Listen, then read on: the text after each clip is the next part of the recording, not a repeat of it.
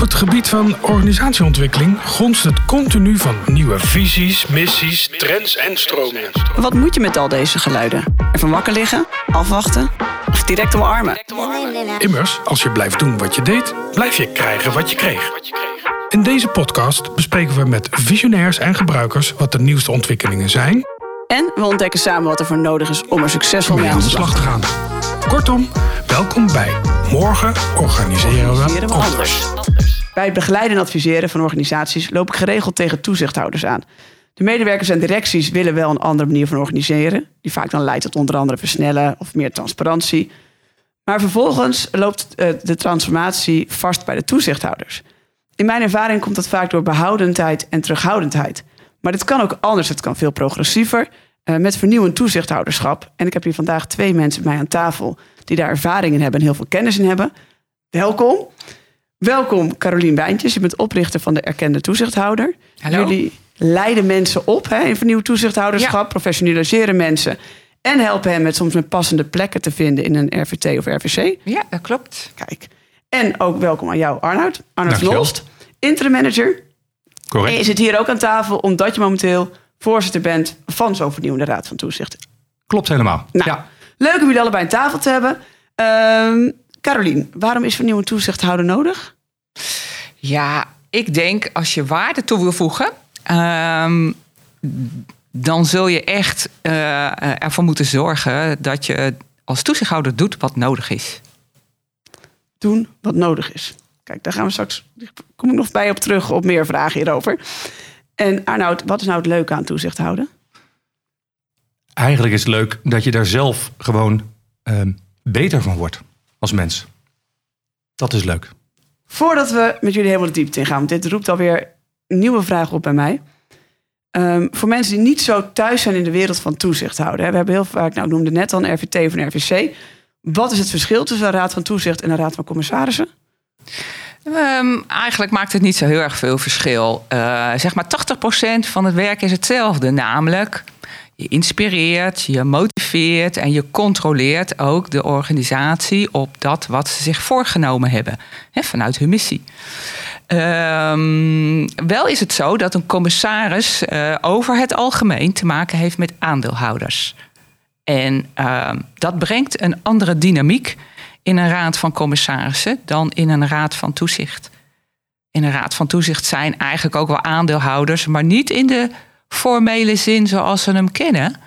Ehm, in feite zijn dat eh, ja, de mensen aan wie de diensten worden verleend, hè, dus in de maatschappij. Ehm, en niet de financiële aandeelhouders, hè, die ik eigenlijk bedoelde als je het hebt vaak over een raad van commissarissen. Ehm, het gaat niet altijd op, maar even, eh, hè, normaliter kun je ze zo wel scheiden. Ja. Maar even dan een beetje allemaal een grof beeld hebben. En wat is dan het verschil met traditioneel toezichthouderschap, of zoals we het al, al die tijd kennen, en dan vernieuwend toezichthouderschap? Ja, weet je, ehm, als ik kijk naar eh, nieuw toezicht, dan gaat het er vooral over dat je als toezichthouder echt draagvlak zoekt voor je toezicht.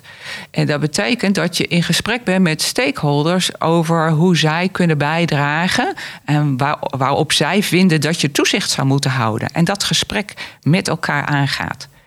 Uiteindelijk is het wel de verantwoordelijkheid van de Raad van Toezicht om te beslissen hè, eh, hoe hun toezicht eruit ziet. Ehm, als ik kijk naar traditionele toezicht houden, dan is het vooral het toezicht houden binnen die boardroom. Men blijft in die vergadering zitten, maar het gaat ook vaak over het verschil over in traditioneel toezicht houden. Ja, dat het gaat over harde feiten en cijfers. Alle managementinformatie die aangeleverd moet worden voor zo'n raad van toezichtsvergadering en het daarover te hebben. Terwijl ehm, ik zeg wel eens een nieuw toezicht, even heel gechargeerd. Ehm, leg alle regels maar eens aan de kant. De regels voor goed bestuur en toezicht. Eh, en ga zelf het gesprek aan over wat nodig is aan toezicht voor deze organisatie. Eh, Het gaat ook echt over eh, waarden en normen. Dus hoe werk je samen dus hè? Oh, om tot dat goede toezicht te komen? Maar ook welke werkwijzes passen daarbij? Ehm, hè, dat is dan weer het nieuwe toezicht houden. Veel opener, veel transparanter. Ehm, en, en nou ja, ik denk ook vanuit een rol, hè, een gelijkwaardige eh, relatie met, uh, met de ander. Ieder heeft zijn rol ook in dat samenspel tot goed toezicht. Ehm, ja, weet je, ehm, zo. Dat zijn, dat zijn even heel, heel erg op hoofdlijnen de verschillen. Nou, en wat ik ook bij jou hoor, ook eigenlijk net al bij introductie. vaak denk ik toch bij toezichthouderschap, in ieder geval ik, aan controlerende functie. En jij zei ook meteen inspireren en motiveren. Zijn die laatste twee dan ook termen die meer bij vernieuwend toezichthouder hoort? Of zat het er altijd al wel in? Ja, die, die houden ja, veel meer bij vernieuwd toezicht. Uh, controle hoort ook wel bij nieuw toezicht. Maar dan wel uh, uh, zoveel mogelijk tot het minimum beperkt. En wettelijk heb je ook die taak. Ja. dat je moet controleren. En, en, en, een begroting, een jaarrekening en een, en een koersplan. Um, maar op alle andere vlakken, en dat zijn er heel veel um, is dat helemaal niet nodig. Dus kortom, um, in vernieuwd toezicht is inspireren en motiveren eigenlijk uh, de belangrijkste taak. Hoe meer je dat doet, in mijn ogen en mijn ervaring, ik weet niet hoe jij dat ervaart, Arnoud, maar hoe minder je hoeft te controleren. Ja, ik herken dat wel. Ik zat heel erg te denken toen je dat vertelde. Het gaat niet zozeer over dat waarom, het gaat over hoe je dat doet. Daar zie ik heel veel verschillen tussen.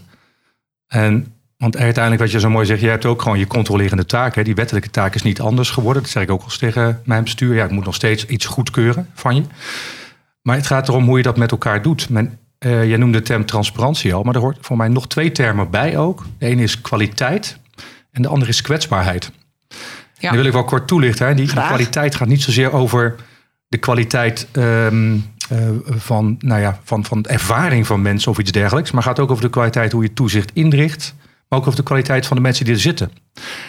Als je er nog wat dieper op gaat, is je hoeft dus niet per se ervaren toezichthouders te hebben. Je hebt ervaren mensen nodig die kwaliteiten hebben om um, transparant te durven zijn. Dat vraagt namelijk nogal wat. Ik kun best ja. wat dieper op in, maar dat vraagt best wat. Maar die ook kwetsbaar durven zijn. En dat kwetsbare is um, nou, als je het anders zegt, dat heb ik ooit eens van een collega van mij, is wel grappig, die dat veel gebruikt. Een directielid waar ik ooit mee samenwerkte toen directeur was. Die zei dat het verdragen van onzekerheid of onwetendheid. Want heel veel dingen weten we niet en kun je niet zien als toezichthouder. Dat moet je dus verdragen, maar je wil het wel weten. Je zoekt ernaar, je verkent het. En sommige dingen weet je zelf ook niet.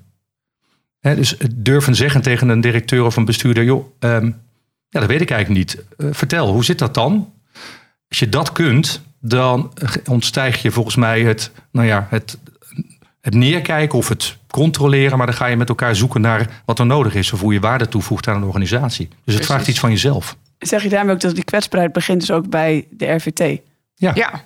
Ja, ja, begint een hele duidelijke. Ja, ja, ja, absoluut. Ja, en ik merk dat bijvoorbeeld hè, in de begeleidingen uh, die ik doe voor, uh, voor Raden van Toezicht, dat ze ook ja, echt de vraag stellen van, maar wie is mijn collega dan eigenlijk in dit samenspel? Hè, in die rol van toezichthouder. Daar wil ik meer over weten. Want dan kan, daar kunnen we beter gebruik van maken. Hè, dus, dus, dus proberen meer te benutten wat je hebt uh, in elkaar.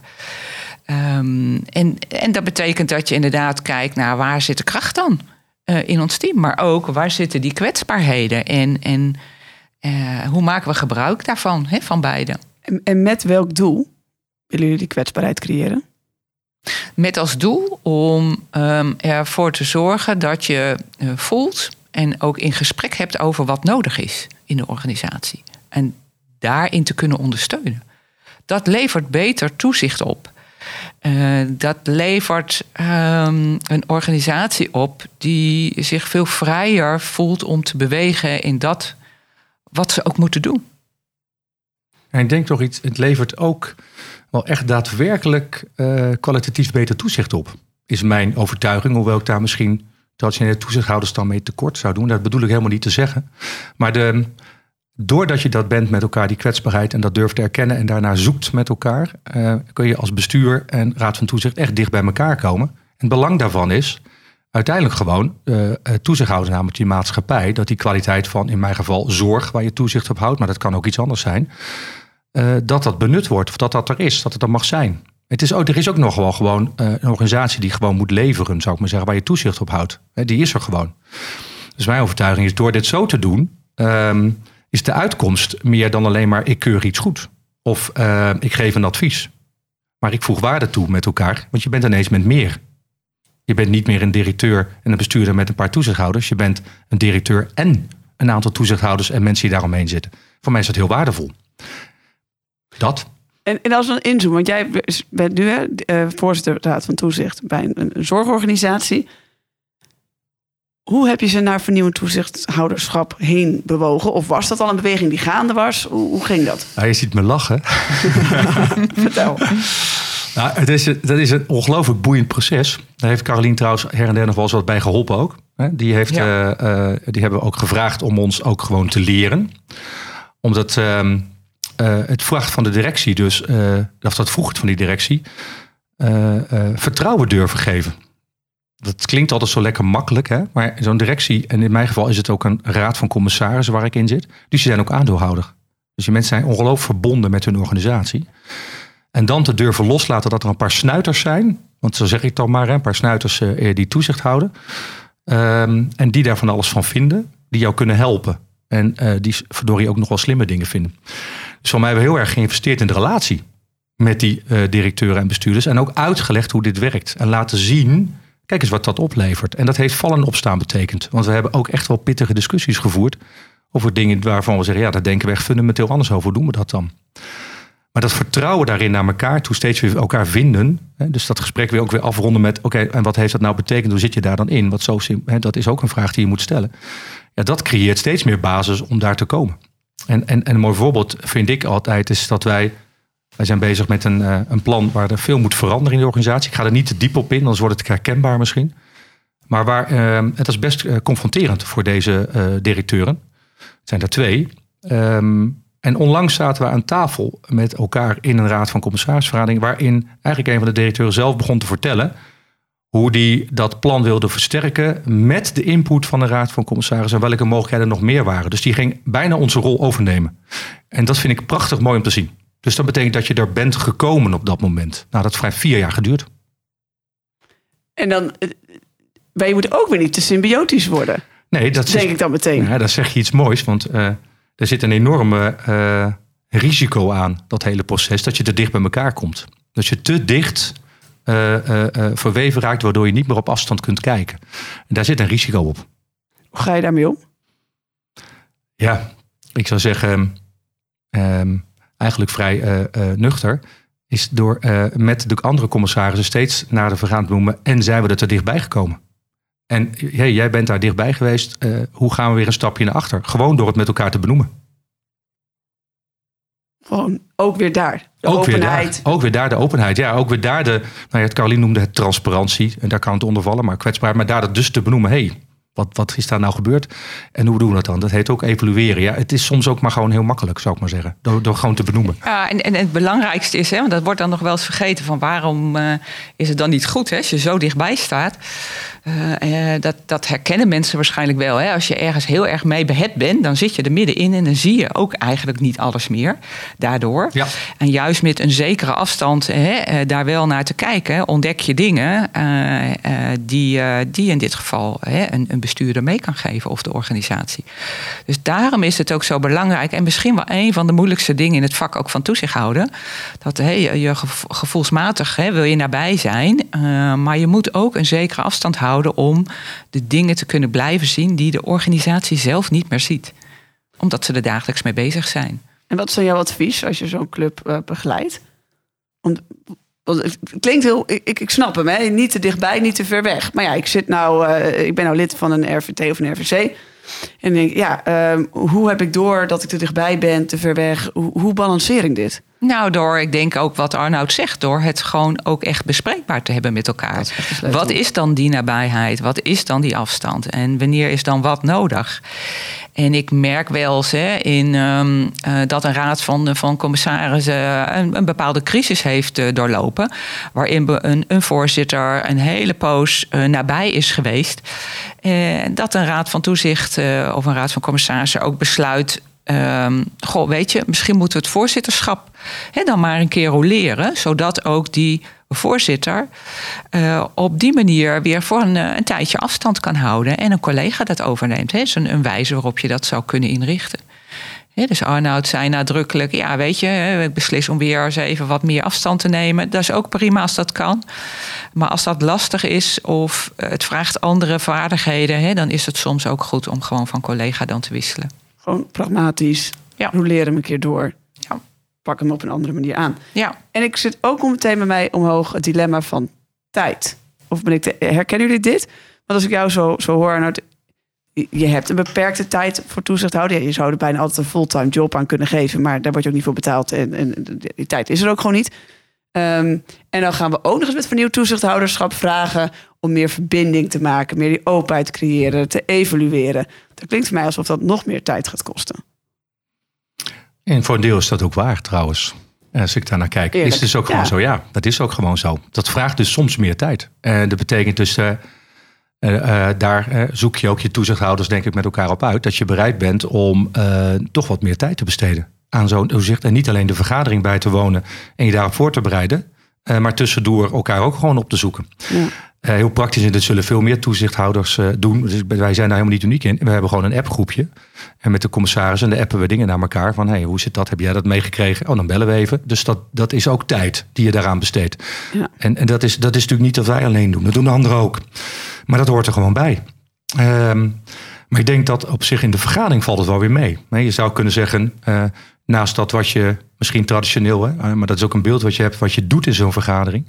eh, vragen stellen, controleren, dat is eh, wat je doet. Is evalueren gewoon een onderdeel ervan. Als je dat effectief doet, kun je het andere korter doen. Dus het hoeft niet meer tijd te kosten in je vergadering. Het, Nee. en het klinkt een beetje pocus, maar het is volgens mij niet. Het is met elkaar daar ook aandacht aan besteden, waardoor die kwaliteit er kan zijn. En soms loopt het dus ook gewoon uit, kost het dus meer tijd. Ja, all in the game. En dan moet ik ook weer denken aan dat waardestuk wat je aan het begin zei. Ja. Je zit er ook in om echt waarde te willen toevoegen. Absoluut. Ja, in plaats precies. van om alleen te controleren. Ja, en, en, en hoe doe je dat dan? Hè? Eh, Ik Ja, bedoel, eh, meer tijd, maar waarde toevoegen. Hè? Wat gewoon heel erg belangrijk is, is dat je probeert ook eh, vooruit te kijken in het toezicht in wat er nodig is. Want daarin te investeren, in, eh, in wat er in nodig is voor de komende jaren, helpt je op dat moment ook in tijd om er klaar voor te zijn. In plaats van dat je misschien hè, iets reactiefs ook nog op moet pakken of, eh of er achteraan eh, holt, zeg maar. Ehm, dat betekent dat je een visie echt op toezicht moet hebben. Eh, hoe ziet ons toezicht eruit over, ja, pak een beetje twee jaar?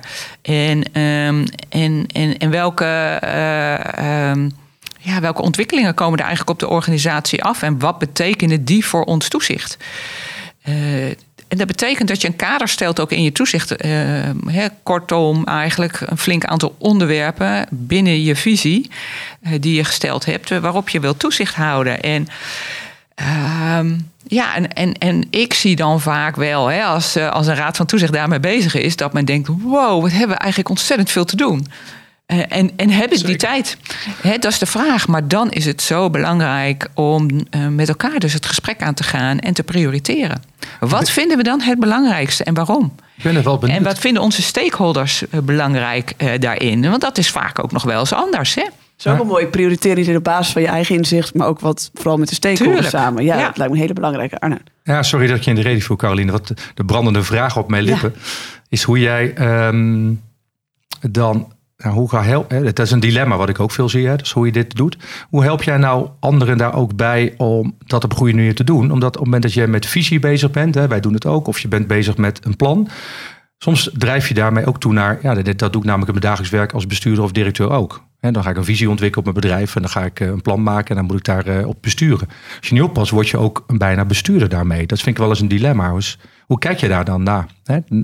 Vanuit dat perspectief. Dat je toch ook gewoon toezichthouder moet blijven. Nou ja, ik denk hè, de, wat je in die onderwerpen moet doen, is eigenlijk van eh, hoe gaan wij daar, daarop toezicht houden? En die vraag beantwoorden. Gaan we daarop controleren? Gaan we daarop eh klankborden? Gaan we daarop adviseren? Maar ook, eh, wat hebben we dan te doen in de organisatie? Eh, of de vraag, welke managementinformatie willen we hier dan over hebben? Eh, want misschien willen we niet alle informatie over dat betreffende onderwerp hebben, maar juist specifieke items daarin. Benoem die met elkaar, zorg dat die aangeleverd worden. Maar dat zijn de meetbare zaken vaak. Hè? Maar ook hoe gaan we het dan merken? Hoe gaan we merken dat die strategie daadwerkelijk hè, zoals bij jou in de zorg, uh, bij die cliënt zeg maar terechtkomt. Um, dus dat betekent in mijn ogen ook dat nieuw toezicht heel veel toezicht houden ook is buiten die boardroom, buiten die vergadering om. Nou, ik ken dat wel. En dat laatste is, over, als je het over tijd hebt, dan weer het dilemma. Hè? Maar dat, dat is wel waar wat je zegt. Alleen die, um, in de praktijk mee. Kijk, als ik in mijn dagelijks werk als directeur ben, dan is een visie opstellen en daarop sturen is je dagelijks werk. Dan ben je dat aan het doen. Ik, ik doe even een ja-maar vraag, omdat ik, ik ben er ook echt in geïnteresseerd. Want ik, en maar in, de, in het toezicht houden is dat het niet. Toezicht houden is je dagelijks werk niet uh, het besturen, maar het toezicht houden en met elkaar ja, die merkbare verbetering helpen bewaken. Als je dan toch werkt vanuit het traditionele plaatje, en nogmaals advocaat van de duivel vraag, van ik doe een visie en een plan, loop je ook het risico dat je het op de traditionele eh, manier gaat behandelen. Dus ik ben met je eens, je kunt af en toe met elkaar uh, verder zoeken wat heb ik dan nodig. Maar ik wil ook blijven uit die, die, die, die ja, maar je traditionele rol. Ik wil juist in de rol van meekijken, meedenken, waarde toevoegen. Snap je mijn dilemma een beetje? Ja, ja ik, snap, ik snap jouw dilemma. Hè? eigenlijk de systeemkant die je daarmee weer naar je toe trekt. Hè? Ja. Terwijl ik juist denk dat uh, nieuw toezicht uh, gaat echt over uh, de, de mensenkanten. Hè? Die staat voorop. Dat betekent in mijn ogen dat het wel goed is om een plan te hebben. maar meer voor jezelf als raad van toezicht. Om ook te kijken, werken we conform dat wat we ons zelf hadden voorgenomen in het toezicht. Um, en als blijkt onderweg dat in wat er nodig is, wat anders nodig is, ja, dan denk ik ook, dan moet je daar dus ook met elkaar het gesprek over aan, uh, maar dan wel in, in de gezamenlijkheid. Dus ga dan niet zeg maar besturen, maar zorg dan dat je je toezicht gaat aanpassen op, om, omdat je ontdekt hebt dat er wat anders nodig is in je toezicht. Ja. daarom is het gesprek met die uh, stakeholders vooraf ook, uh, ook zo belangrijk over wat vinden jullie nu dat er nodig is, is in het toezicht op onze organisatie. Ja. Um, want die brengen vaak een hele andere kijk mee ook. En vinden dat dingen, andere dingen nodig zijn dan, dan wat een raad van toezicht nodig vindt. Heb je daar een voorbeeld van? Ja, bijvoorbeeld uh, uh, zeg maar het feit hoe uh, in het onderwijs lessen hè, digitaal zijn, zijn geworden ook. En het effect daarvan op leerlingen was iets waarvan de Raad van Toezicht zegt, zei van nou ja, weet je die staat wel ergens in onze top 5 eh, waarop we vinden dat we toezicht moeten houden. Maar toen ze met de leerlingenraad gingen praten, zeiden ze: ja, jeetje. Maar eigenlijk vinden we dat die uh, leerkrachten veel beter bijgeschoold moeten worden op, uh, op dit stuk. Want die weten gewoon daar toch heel veel niet van. Um, en uh, werd daarmee eigenlijk de focus hè, wat meer verlegd naar zeg maar, ja, de, de, veranderingen waar het personeel mee te maken kreeg. Hè, die kregen meer de nadruk daardoor. Ja, dat herken ik trouwens als je echt zo interessant. Het is heel louterend om dat soort gesprekken te voeren. En wij zaten uh, onlangs met de Raad van Commissarissen, de directie en een OR en de cliëntenraad bij elkaar. Gewoon in het kader van ons dagelijks of jaarlijks contact. Hè, te proberen één of twee keer per jaar te doen. En dat ging over een, het plan van de, nou ja, de organisatieverandering. En um, een van onze, een van mijn collega's stelde de vraag aan de, een van de leden van de cliëntenraad. En wat vind jij daar dan belangrijk in? Hè? Beetje in de context wat jij ook schetst, wat vind je daar dan belangrijk in? En zij sprak de prachtige woorden dat ik er geen last van heb. Ik vind, ja, ik vind het geweldig. En denk, want wij zijn prachtig bezig met, met allerlei vraagstukken en processen en geld en noem het maar op. En ze zegt dat ik er geen last van heb. En in al zijn simpliciteit is dat natuurlijk de kern. En, ja. uh, ongelooflijk uh, en bijzonder ingewikkeld ook. Want last hebben van veranderingen doe je gewoon. Maar ik vond het zo fijn antwoord dat, dat zij daar gaf. Dus we hebben daar met elkaar om gelachen. Maar ook niet, niet uitgelachen, maar gelachen van... oh, wat heerlijk ontwapenend is dit. Dus dat betekent weer die waarde van die vraag stellen, daarnaar kijken en denken: oké, wat betekent het dan voor mij om als ik toezicht hou, dat inderdaad die cliënt er dan geen last van heeft als er iets gaat veranderen? Welke vragen moet ik dan gaan stellen aan die directeuren en, en, en managers? Nou, ontzettend mooi, dat soort dingen. Ja, dus zo geef je stakeholders jou het, zeg maar, het raamwerk voor weer waarvan jij weer je werk kan doen eigenlijk. Absoluut, ja, vanuit waar je kunt kijken daarnaar. En dat moet, je, eh, dat moet je dan maar ook wel willen zien, zou ik de hele tijd. Hè? Dit moet je ook maar wel willen zien, gewoon, om daar naar te kijken. Nou, heerlijk. Heerlijk. Volgens mij kunnen jullie ook niet meer traditioneel toezichthouderschap bijden. Klopt dat? Ik hoop het niet, maar ik zou het niet weten. Hebben jullie dit ooit gedaan? Nou ja, kijk, ik heb dus zeker wel te maken hè, met, met raden van toezicht. Die zeggen dan wel eens dat ze eh, van het nieuwe toezicht zijn. Maar als ik goed kijk, dan zie ik dat ze toch veel meer nog tegen die klassieke reformen aan, eh, aan zitten. Ehm, en dan is het wel eh, belangrijk, vind ik, om eh, te kijken van waarom doen ze dat? Ehm, en wat voor organisatie is het? Eh, past nieuw toezicht daar ook bij? Want Ja. ehm, Ja. nieuw toezicht moet je niet eh, als een soort heilige graal zien. Ik denk wat belangrijk is, is dat ehm, de stijl van toezichthouder moet passen bij de stijl van leiding geven. En als er nieuw leiderschap zit, is nieuw toezicht eh, ook zeker eh, waardevol. Maar als ehm, een wat meer traditioneel eh, leiding geven ehm, ja, zich gaat verbinden met nieuw toezicht, ja, dan kan er wel eens te veel spanning op gaan staan. En dan breekt dat lijntje ook. En andersom ook. Dus je, ik zeg altijd, je moet mekaars hand toch wel vasthouden in dat spectrum. Eh, je moet vooral kijken wat heeft de organisatie nodig in die volgende stap. Als je met ehm, die kijk ehm, als toezichthouder naar een organisatie eh, je waarde wil toevoegen, nou, dan denk ik, dan ben je er. Want dan zet je namelijk een beweging in gang. ehm, wat eigenlijk alleen maar helpende is. En wat, eh, als het goed is, ook stimuleert en motiveert om, ja, om, het, eh, om het goede te willen doen voor de organisatie. Ja, nou, ik zou zelfs eh, zou willen aanvullen, Caroline, maar misschien zie je dat anders. Het is ook niet zozeer, het is niet zozeer traditioneel of vernieuwend. Want ook in vernieuwend toezicht stut een stukje traditioneel toezicht soms. Uh, zo ervaar ik het in ieder geval. Uh, als ik naar gewoon um, een jaarrekening moet kijken, kan ik dat wel vernieuwend bekijken. Dat doe ik ook. Maar uiteindelijk moet ik hem ook gewoon goedkeuren. Ja. En dat zijn hele klassieke vragen die je dan gaat stellen. En dan komt dan een accountant bij. En dat is gewoon controleren wat je voor een deel doet daar. Ja. Dat, is, dat, ja, dat is niet vernieuwend of traditioneel. Of, dat is een soort mengvorm. Dus ik denk dat het ook niet of-of is. Het is een beetje en-en. En het is mooi als je de balans wat meer laat toestaan. Uh, doorslaan naar wat jij zo mooi schrijft. Dat waarde toevoegen of dat uh, inspireren. Dat je daar de balans wat naar toe brengt. En dat kan denk ik bijna overal. Dat is een beetje wat past bij onze huidige maatschappij. Gewoon. Dus misschien is het ook wel. Uh, je maakt het ermee een stuk minder spannend. Klinkt het Ja. voor mij bijna. Je mag gewoon van. Dat was mijn volgende vraag: van, bestaat er zoiets als een scheiding? Dan ben je wel vernieuwend of dan niet. En ik hoor jou eigenlijk zeggen: je kan in alle vormen van toezichthouderschap door goed aan te sluiten, zoals Caroline zegt, bij wat het bestuur, de directie of de organisatie nodig heeft, kan je eigenlijk altijd al een klein stukje. Door Ja. misschien meer in contact te gaan, meer transparantie, meer inspiratie toe te voegen. Nou, het is in ieder geval mijn overtuiging dat het kan. Maar ik ben natuurlijk ook heel benieuwd. Want Carolien ziet veel meer toezichthouders dan ik uh, in het dagelijks leven. Of ze dat herkent. Maar ik denk dat dat een deel waar is wat je zegt, ja. Nou ja, ik, de vraag is dan, um, hè, wat is klassiek of niet? Als het gaat om die harde feiten cijfers. Hè, want dan heb je het over de jaarrekening. Um, ik zie daar wel degelijk een verschil.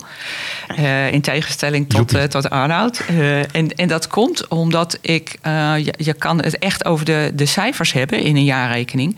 Maar je kan ook heel erg kijken naar welk gedrag zit daar achter de cijfers. Uh, zeker als je omgaat met geld. Uh, kunnen mensen hebben de overtuiging hè, uh, ja, dat je daar op een goede manier mee om moet gaan. Maar het gedrag achter zeg maar geld mm -hmm. kan heel erg ehm, beïnvloeden ja. hoe je daarmee omgaat. Dus ik vind Ja, wel in nieuw van, toezicht. Hoe, hoe, moet ik dat zien, het gedrag achter het geld? Um, nou ja, wij weten met z'n allen dat het goed is om niet een, een greep in de kast te doen. Ja. dat vindt iedereen. Hè? Dat vindt iedereen ook. Uh, ik bedoel, daar kun je geen discussie over hebben. Nee. Maar op het moment dat dat toch gebeurt in een, in een organisatie. Uh, en je de situatie van diegene bekijkt. Uh, die daarachter zit. Uh, dat te weten ehm, stelt hele andere vragen. ehm, dan dat je alleen maar, zeg maar naar het geld zelf hebt gekeken. Dus ik vind dat er wel degelijk een ehm, nou, een, een, verschil zit in, in hoe, je, hoe je daarmee omgaat. En welke vragen je achter de cijfers kunt stellen. Want, en, want wat voor vragen zou je dan stellen? Ja, de vragen die ik zou stellen is... Um, even denken hoor. In dit voorbeeld... Um, ja, wat, wat, maakt dat, uh, uh, wat maakt de situatie voor diegene dat hij dit gedaan heeft? In plaats van hoeveel geld heeft hij meegenomen? En daarmee ga je ook meteen wat meer kijken ook naar de cultuur van de organisatie. De mensen, dat gaan we Ja. of een systeem. Zeg maar Ja. meer wat gebeurt er Ja. daarachter. Ja, ja. Ja. Ja. Ja, ik, zit, ik zeg ja, maar ik ben erover aan het nadenken. Ja, dus het is niet dat ik. het er niet mee eens ben of zo. Ik denk, nou, maar dat is uiteindelijk ook wat ik wel zie in waar in onze. Nou ja, ik zei er straks het woord maatschappij nam ik in mijn mond. Dat is altijd een heel containerbegrip. Maar dat wat we sowieso zien gebeuren. Eh, enerzijds. Anderzijds overigens niet. Want ik hoorde me dat zelf in mijn hoofd formuleren. En dacht ik, ja. Enerzijds klopt dit. Hè, want ik zie ik ook gebeuren dat we meer bereid zijn om te zoeken naar wat erachter zit. In plaats van iemand te veroordelen. Maar anderzijds. eh, we kunnen zo een paar voorbeelden noemen in de recente media. Waar mensen al worden veroordeeld zonder we gekeken hadden wat erachter zat. Dat is ook Ja. wel eens lastig. Hè? Ik, ja. eh, is ook een paar- rol voor de toezichthouders om daar, Ja. daarvoor te waken. Exact. Dus, dat, dus, dus ziet die beweging die het volgens mij ook noodzakelijk is eh, in onze maatschappij om, om te maken. Maar die maken we nog niet. Dus als je dat bedoelt, ben ik het met je eens, zou ik maar zeggen. En dat is best lastig. Ja. Omdat ehm, ehm, uiteindelijk ben je als toezichthouder, en dat geldt bijvoorbeeld ook als je, eh, of als directeur in een organisatie, en er gebeurt zoiets als dit in een organisatie, ben je ook gewoon verantwoordelijk soms. Of je wordt eh, aangekeken op dat je daarop reageert, of maatregelen neemt, of dat stimuleert. Dat hoort ook voor een deel bij je taak. Dus dat is, ehm, dat is best wel eens een, eh, dat vind ik best wel een zoektocht. We hebben ooit eens meegemaakt een situatie Ja. met een klokkenluider. Weet je, ook zo'n situatie die is best wel, dat is zo'n soort vergelijkbaar verhaal. Hoe ga je daarmee om? Hoe kijk je daarna? Hoe onderzoek je dat dan? Eh, ga je gelijk rennen of neem je toch de tijd? Kun je de tijd nemen? Of het woord tijd nog maar eens noemen. Dat is best wel eens eh, even, even zweten, zou ik maar zeggen. Ja, precies. In de huidige ja, situatie. Dat is, en dat is niet makkelijk. Nee. Dat is niet makkelijk. Nee. Ook niet als je met een team bent. Exact. Ja. Exact. Ja. Ja. Ja. Dus ik vind het in die scenario goed. Dat je dan, ik herken wat je zegt en toch denk ik, of toch, het klinkt ook weer een ja maar, maar het is voor deel ook dat nieuwe toezicht. Ik sta daar volledig achter. Ik zou ook niet in een meer traditionele vorm willen zijn, alleen maar op afstand willen zijn.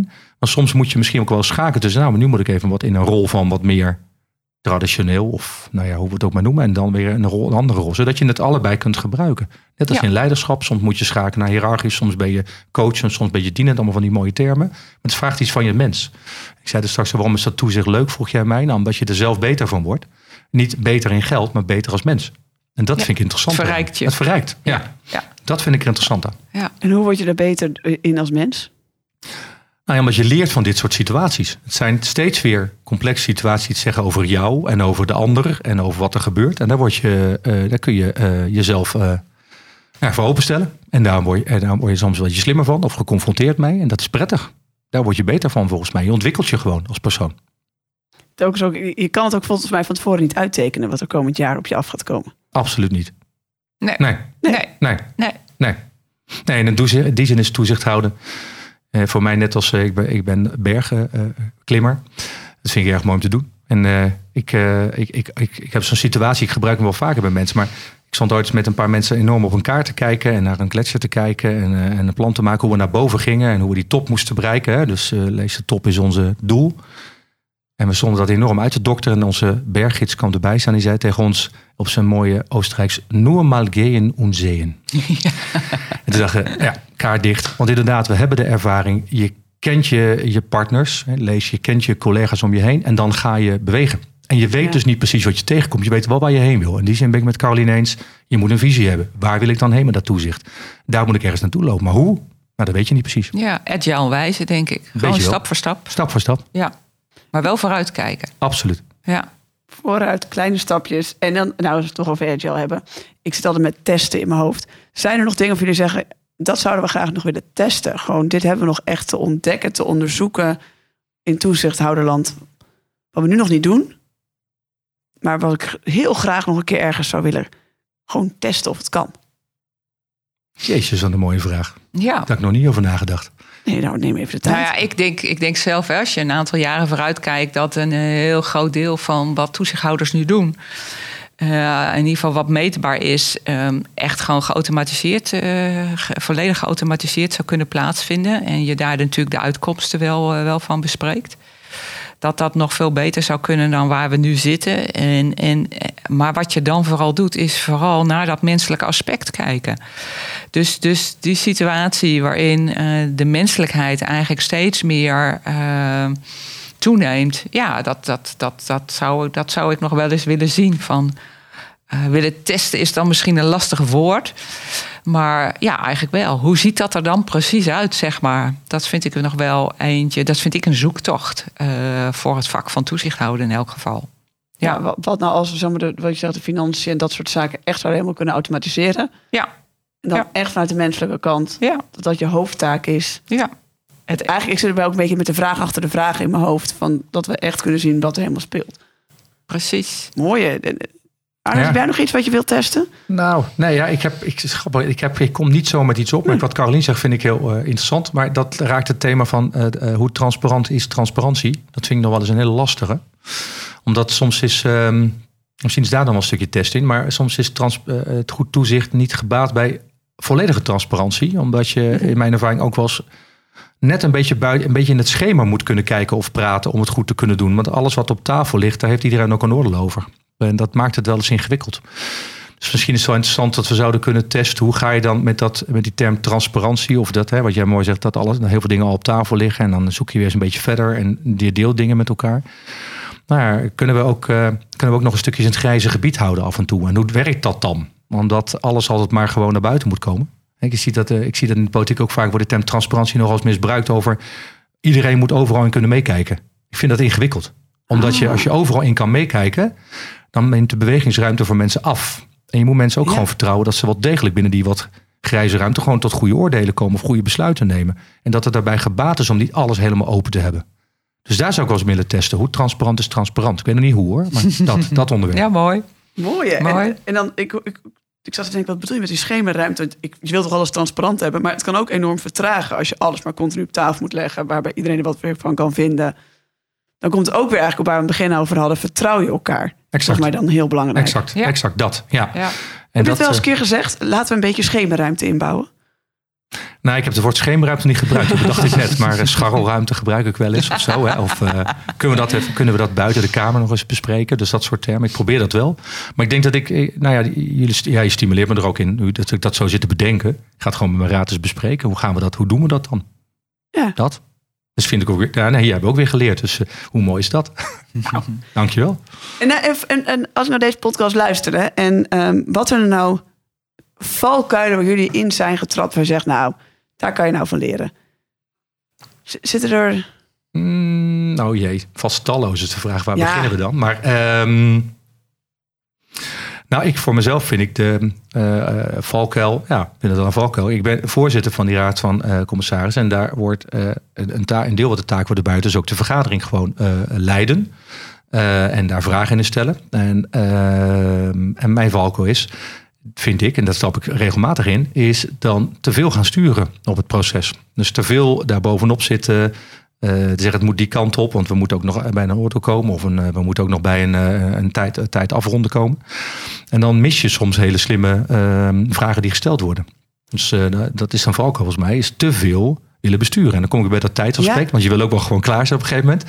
Dat is dus ook constant gebeurt dat. Ja, dat trap ik wel eens in en denk, ah, ah ja, als ik daar even dus achterover was gaan leunen één minuut, dan was dat probleem opgelost geweest. Ja, dat vind ik wel eens een valkuil die ik tegenkom.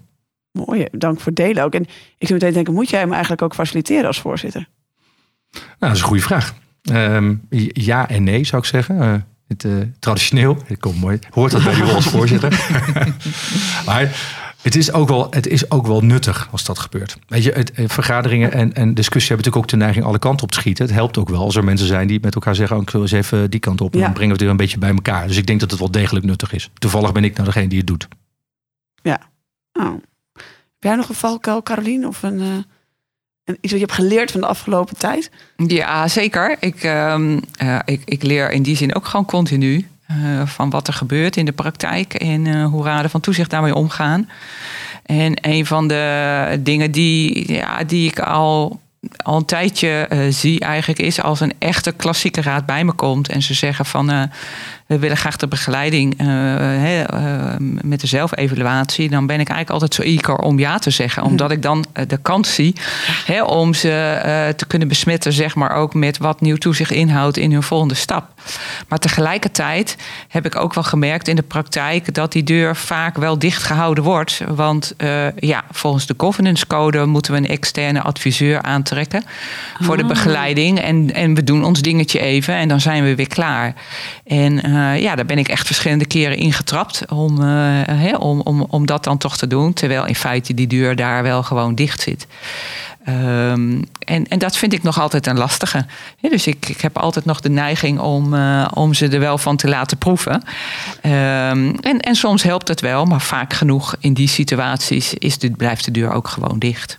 Ja, we moesten dit doen los van willen we nou echt leren met elkaar en, en, veranderen. Precies, en dan is het wel heel erg spannend om uh, dan te willen leren.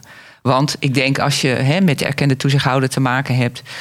Uh, ja, wij willen verfrissen en wij willen grenzen verleggen. Um, hè, dat, is, dat is eigenlijk de wijze waarop we de dingen willen doen. En, en dat is bij deze raden van toezicht gewoon lastig om dat voor elkaar te krijgen. Uh, omdat die deur vaak dicht zit. Ja. ja. Ja, ik zit met, met, dus daar trap ik dan wel eens in. Met twee kanten op in mijn hoofd. Want stel, ik ben een, een, nou, een directie en ik merk, ik vind eigenlijk mijn eigen raad en toezicht, raad van commissaris wel heel traditioneel ingesteld. Wat voor een tip heb je voor zo iemand? Ja, wat, wat voor zo iemand die ik nog een paar weken geleden sprak. Ja, dus. ja, ja nou ja, ik, ik zou de tip hebben van. Uh, ga je toezichthouders eens vragen waar ze met hun toezicht heen zouden willen de komende jaren. Ja, ja, ga echt vooruitkijken. Want dat, dat levert hele andere type gesprekken op. Hoef je nog niet eens de horizon helemaal vast te leggen of zo. Maar ga vooruitkijken met elkaar. En wat betekent dat dan in je werk? Um, he, meestal word je uh, proactief in plaats van reactief. Wat, wat nu. Ja. En, en dat legt een lode last vaak op de schouders van bestuurders. Als je reactief bent als toezichthouders. Dus die die, die, die, last ga je dan verlichten bij bestuurders. En um, uh, betekent wel voor toezichthouders dat ze nou ja, inderdaad on, een onzekere tijd te, tegemoet gaan, waarin ze het niet altijd weten. En dat moet je dan wel los kunnen laten. Dat vraagt de stap eigenlijk hè, in die tip ook om te doen. Ja. Dus om dat te accepteren. En, uh, maar dat zou mijn tip zijn, ja, toch? Ik heb het met je eens. Begin, uh, begin uh, met lef, denk ik altijd maar, door het, uh, door het gesprek aan te gaan daarover. En dat is, best, ja. dat is natuurlijk best spannend, maar dat begint uiteindelijk toch gewoon met: ik mis iets, of ik zou iets, of ik wens iets, of ik wil iets. En, en ga dat gesprek met je toezichthouders aan, want je plant in ieder geval zaadjes als bestuurder. En ik ben met je eens ook bij het begin met het praten over die visie, met vooruit. Wat willen we eigenlijk? Hoe, hoe, wat levert dat dan op? Uh, hoe helpen jullie mij daarbij? Hoe help ik jullie daarbij? Dat zijn volgens mij alle hele mooie vragen die je altijd kunt stellen, die ook niet bedreigend hoeven zijn. Want je zegt niet daarbij dat wat er nu gebeurt niet goed is of zo. Je bent nee. gewoon aan het zoeken naar hoe het nog een beetje beter kan. Ja. Dus ik ben het erg met Caroline eens. Maar dat klinkt, het klinkt makkelijk, maar dat is het niet. Het is gewoon, maar het begint echt wel bij het gesprek daarover. Klinkt zo logisch, hè? Ja. En toch ligt daar blijkbaar soms een drempel of iets wat het weer moeilijk maakt. Ja, of misschien is de drempel ook wel in je hoofd soms. Ja. Hè? Het mens Ja, uh, juist. leidt het meest van het lijden dat hij vreest. Uh, dus uh, als je dat alvast in je kop hebt zitten, dan gaat het ook gebeuren. Dus daar, daar, daar wegstappen is een eerste stap zetten. En voor toezichthouders. Zo, ik zit in eh, zo'n RVC, RVT. Daar geldt denk ik hetzelfde, wat jullie net zeiden. Een, een, een, een visiedocument, meer vooruit leren kijken, heb ik echt meegenomen. Een stukje um, echt investeren in de relatie. En daarin is er wel openheid nodig, maar ook gewoon tijd, hoor ik jou ook, uh, Ja. er echt bij zeggen. En, en het menselijke aspect. Oftewel, ook achter cijfers zitten weer mensen. Dat is ook zo'n zin die ik echt nou ja, weer in mijn hoofd is blijven hangen. Zijn dat de belangrijkste tips, zo'n beetje, die we hebben? Ja, dat zijn de belangrijkste tips die we Ja. hebben. Ja. Ja, nou ja, voor toezichthouders, hè, ga vooral op zoek naar die merkbare eh, eh, zaken. Die vind ik erg belangrijk. Dus heb het gesprek inderdaad met stakeholders. Ga de organisatie in. Die vind ik, die vind ik eh, eh, cruciaal om ehm, op een andere wijze ook eh, eh, aan je informatie te komen. Ga die boardroom uit, zeg maar. Ga die Juist. boardroom uit. Dat is meer een soort scharnierpunt, een soort formeel overleg waarin je een aantal adviezen en besluiten geeft. Maar doe je werk vooral buiten die boardroom. Ja, Ja, daar heb ik wel bij gemerkt, ik ben het erg met je eens, Carolien, dat het dan heel belangrijk is dat je als raad van toezicht of commissaris ook wel uitlegt aan diegene die je tegenkomt ehm, wat jouw rol is, waar je van bent, wat je wil. Omdat het kan heel snel, ehm, en dat zie ik dan weer, dat is ook traditioneel, eh, misschien ook wel traditioneel, maar mensen denken, zie ik vaak denken van, oh ja, dat is de raad van commissarissen. En die zijn nog hoger dan de directie. Spannend. Spannend, ja. Maar dat, dat, dat moet je dan wel uitleggen dat het misschien Ja. voor een deel waar is, maar voor een deel ook niet waar is. En eh, waar je mee bezig bent op dat moment. Dus dat vraagt dat je Precies, dat mensen ja. vertelt, uitlegt, dat verkent. Ja. Eh, zodat je dan vervolgens ook vanuit dat vertrouwen kunt meekijken. Zonder meer. Nee, ja, is- heel eens. Daar moet je ja. mee beginnen. Ja. Ja, dat is een goede tip erbij. Absoluut. ja, en dan wordt het gewoon hè, dat je zo af en toe eens langskomt. Ja, precies. En dan kun je, eh, nou ja, ook weet je, als een organisatie agile werkt, kun je gewoon hè, eh, bij een silo of zo aansluiten om eens te volgen Ja. hoe, eh, hoe de ontwikkelingen zijn. eh, eh, in ieder geval hè, bij, bij belangrijke projecten. Klopt. Ja, Ja. klopt. Ja. En het vraagt, ik, mijn, mijn ervaring is, het vraagt dan wel steeds. Even, soms moet je dat weer even opnieuw vertellen, dit. Ik eh, maak dat in de praktijk ook mee bij bijvoorbeeld OR, waar we dat doen. Dan moet je weer even met elkaar verkennen, ook waarom je aan tafel zit en welk gesprek Ja. je met elkaar kunt voeren. En dat is helemaal niet erg trouwens hoor, maar dat is goed om te doen. Omdat je, je ook daar kom je natuurlijk niet elke week, maar af en toe. En dan heb je het daar weer heel even over en dan zie je dat dat helpt. Want als je dat niet doet, dan eh, valt het soms weer terug in, eh, in, in, in soms wat meer die traditionele kijk op. Jullie zijn nog hoger dan de directie, zeg maar. En daar probeer ik een beetje weg te blijven. Ja, Als het kan. continu een rol uitleggen. En ook, en ook eigenlijk vond ik heel mooi, waarom zijn we hier? Dus wat hebben we hier dan nu te bespreken en op welke manier? Zeker, precies. Dat. En dan, context? en dan krijg je mooie Ja. gesprekken. En als ik hier nou nog veel meer over wil weten, wat voor literatuur raden jullie me aan? Of, of weet ik veel, podcast. Ik zie al, ja, het is Ja. leuk. Arnold heeft twee mooie boeken op tafel liggen. Vertel. Die, die raad ik iedereen aan. Maar dat, eh, kijk, het enige boek wat ik heb liggen is eh, Richard Dawkins' The Selfish Gene. Dat gaat over evolutiebiologie. En ik laat maar even je moet daar zijn eigen oordeel over vellen. Maar eh, dit is waanzinnig interessant. Het gaat namelijk over mensen en hoe, hoe, men, hoe wij mensen nou ja, zijn wie we zijn. Niet op psychologisch gebied, maar biologisch gebied. Leert je heel erg veel eh, over mensen, maar dus ook over organisaties. Want organisaties zijn allemaal mensen die met elkaar samenwerken. Dus dat zou ik doen, maar dat is puur vanuit interesse. Omdat ik denk, je kunt natuurlijk van alles lezen over toezicht. Maar dat zijn gewoon de, de boeken over toezicht. Hè, da- Daarmee wil ik ze niet tekort doen. Maar het is mooi om jezelf wat te verrijken. En de andere die ik had meegenomen is, vind ik een prachtige term eh, trouwens ook, van Aristoteles tot algoritme. De filosofie van, het, van de kunstmatige intelligentie. Dit is namelijk de toekomst. Dus als je eh, wil kijken nu als toezichthouder naar de toekomst, naar je visie, wat er op ons afkomt, moet je dit soort boeken lezen. Omdat dit is wat er met de wereld gaat gebeuren. Eh, ontwikkeling van AI, de ontwikkeling van robotisering, de digitalisering gaat met een razend tempo vooruit. Daar kunnen we tegen zijn, maar dit is wat er gaat gebeuren. Dus lees, je- verdiep je daarin in en niet zozeer Ja. vanuit de inhoud, maar vanuit wat dat betekent. En dat, zou ik, dat soort boeken zou ik aanraden. Dit zijn er twee, zo zijn er natuurlijk honderd te benoemen, maar dit zou ik Nee, aanraden. maar dit zijn voor jou wat jou betreft de tops. En dat is ook meteen Absoluut. productiviteit waar Caroline het in het begin ook over had. Helpt je om proactief naar de toekomst te kijken. Caroline, heb jij nog een tip? Ja, ik, ik zou echt eh, het boek eh, van Marilieke Engbers eh, onder commissarissen eh, willen adviseren. Het is een goed leesbaar boek, met name over het ongezegde in de boardroom. Wat wordt er niet gezegd? Dus interactie tussen mensen, hoe dat gaat in een raad van commissarissen als een eh, jonge man binnenkomt. In, eh, in, een wat, eh, nou, in een raad van commissarissen die allemaal wat ouder zijn. En, en ja, hoe dat loopt, hoe dat kan lopen. En daar zitten hele herkenbare issues in. Ehm, het betekent, nou, wat ik jou hoor zeggen over hè, duurzaamheid, digitalisering, maar ook impact hebben. Eh, ja, daar zijn vele vakboeken voor, volgens mij, die ook eh, toezichthouders verder helpen. Maar ik denk ook eh, de nieuwe generatie toezichthouders. En daarin die jongeren ook zeker eh, het goede gesprek eh, meegevoerd kan Ja, worden. zeker. Ben ik met je eens, ja hoor. Ja. Ik zet ze allemaal in de voetnoot. Dan kan, kan iedereen ze heel makkelijk terugvinden als de podcast luisteren. Dat is namelijk heel fijn. Thanks voor deze tips. Ik vind het grappig. We hebben het dus helemaal niet over de nieuwe generatie toezichthouders gehad. Ja, daar zijn we van. Ja, Ja, en er komen steeds meer jonge mensen toch die, die toezichthouderkant in. ja. Is dat ook een manier om te vernieuwen? Ja, is zeker een manier om te vernieuwen, omdat die echt een andere kijk op organisaties met zich meebrengen.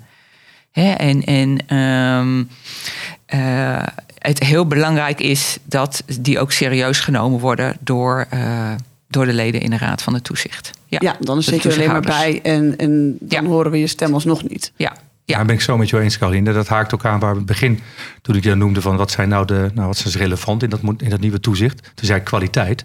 En het gaat dus niet over dat iemand heel veel jaren ervaring heeft in dat toezicht houden per se. Maar het gaat juist over wat brengt iemand nog meer mee.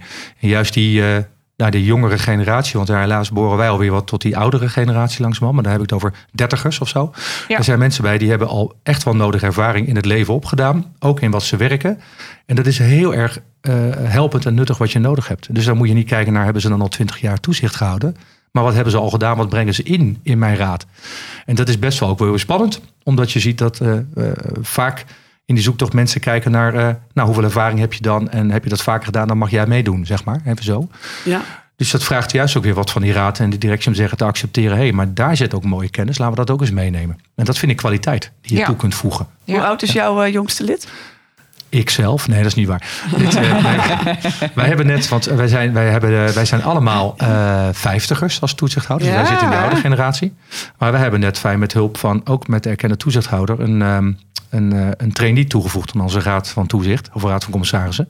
En die is, dat is een dertiger. En die gaat eh, het komende jaar met ons meedoen. En dat, eh, dat helpt ons ook als, als raad van commissarissen om dat thema op tafel te hebben. Dus op die manier doen wij het. En hoezo in een trainierol? En niet als gewoon volledig lid? Nee, en dat heeft te maken met wij, hebben, wij, zitten gewoon in een, wij zitten in een situatie. Het heeft twee, twee kanten deze. Eén, omdat degene dat zelf graag wil. Die wil een trainee zijn die wil leren op dit moment. Dus dat is gewoon een vraag die iemand Helder. stelt. Dus prima. En wij hebben gezegd, deze organisatie heeft eh, eh, drie toezichthouders. En dat is ook de ruimte die we moeten innemen, niet meer. En dan betekent als er Ah, iemand bij ja. komt, gaat er een ander uit. Ja, dus dat is ook gewoon, gewoon qua plek. Gewoon qua plek is het Ja. nu of dat het is, zeg maar. Zo meteen Ja, een mooie tip. Als je wil verjongen, kan je het ook misschien eerst met een trainierol doen. Ja, zeker. zodat iemand kan leren en dan, Ja. kun je, en dan kan iemand in, ingroeien, zou ik maar zeggen, op dat moment. Dus dat kan, je op allerlei manieren doen, denk ik dit. Maar dit zo. Tot slot, zijn er nog dingen die er niet gezegd zijn, maar die we wel nog hadden moeten bespreken? Dingen of jullie denken, nou, dit is nog de gouden tip die in mijn hoofd zit. Ja, dat is al zo Ja, mooi. tips genoeg, hè, zou ik zeggen. hè, Maar, ja, ja, eh, maar mij kunnen we, we kunnen hier nog, nog drie afleveringen over maken. Want ik zit nou met de nieuwe generatie die eigenlijk al op het laatste moment nog binnenkwam. Daar kunnen we ook nog meer vragen Ja, over stellen. Ja, zeker. Ja. Ja. Nou, ik, ik zit toevallig volgende week eh, met eh, generatie Z aan tafel. Even kijken of ik ook toezichthouderschappen in kan brengen. Ik zou ja, leuk. We Hartstikke. Dat zijn dan leuk. weer de twintigers, hè? Dan gaan we nog een kleur Ja, hebben, ja, jongens. maar eind 20 is prima, weet je. Men moet echt wel een, moet wel een een beetje eerste, baan, een eerste baan wel achter de rug hebben, zeg Ja, maar. Dat, dat, is Ja. mijn, Ja, dat helpt ja, ook. Sommige mensen minstens, vroeg rijp, minstens. maar het helpt Ja. wel als je net een paar stappen hebt gezet in het leven. Dat is ja. mooi. Ja. Ja, Ja, precies. je hoeft niet de helft van je leven achter je te hebben, Nee. maar wel een paar stappen. Een paar Ja. stappen. ja, maar eind 20 is eh, prima. Ja. Ja. Ja, hoor. Ja. Carolien, Arnoud, echt enorm bedankt dat jullie bij mij aan tafel wilden komen. Ik heb eh, weer nieuwe inzichten opgedaan over toezicht houden. Ehm, ja, misschien moet ik wel als dertiger zelf er eens een keer aan de bak. Goed idee. Ehm, Goed Je idee. hebt mij getriggerd op die manier. En ehm, nou ja, bedankt en ga vooral zo voort, denk ik. Dat er veel meer mensen... ehm, ik denk vooral geïnspireerd worden dat het op een andere manier kan. En het hoe mag je dan zelf verder nog Absoluut. invullen. En daar, Ja. er zijn Ja. genoeg mensen die, die je daarbij kunnen helpen. Maar het kan anders als je voelt dat het niet helemaal op zijn meest waardevolst gaat. Nou, Precies. die inspiratie hoop ik mee te geven. Ja, zeker. Dankjewel. Van Dank. hetzelfde. Bedankt. Benieuwd naar nog meer ontwikkelingen in de toekomst en hoe je die vertaalt naar de praktijk van nu? Volg ons op je favoriete podcastplatform. En weet, morgen organiseren we anders.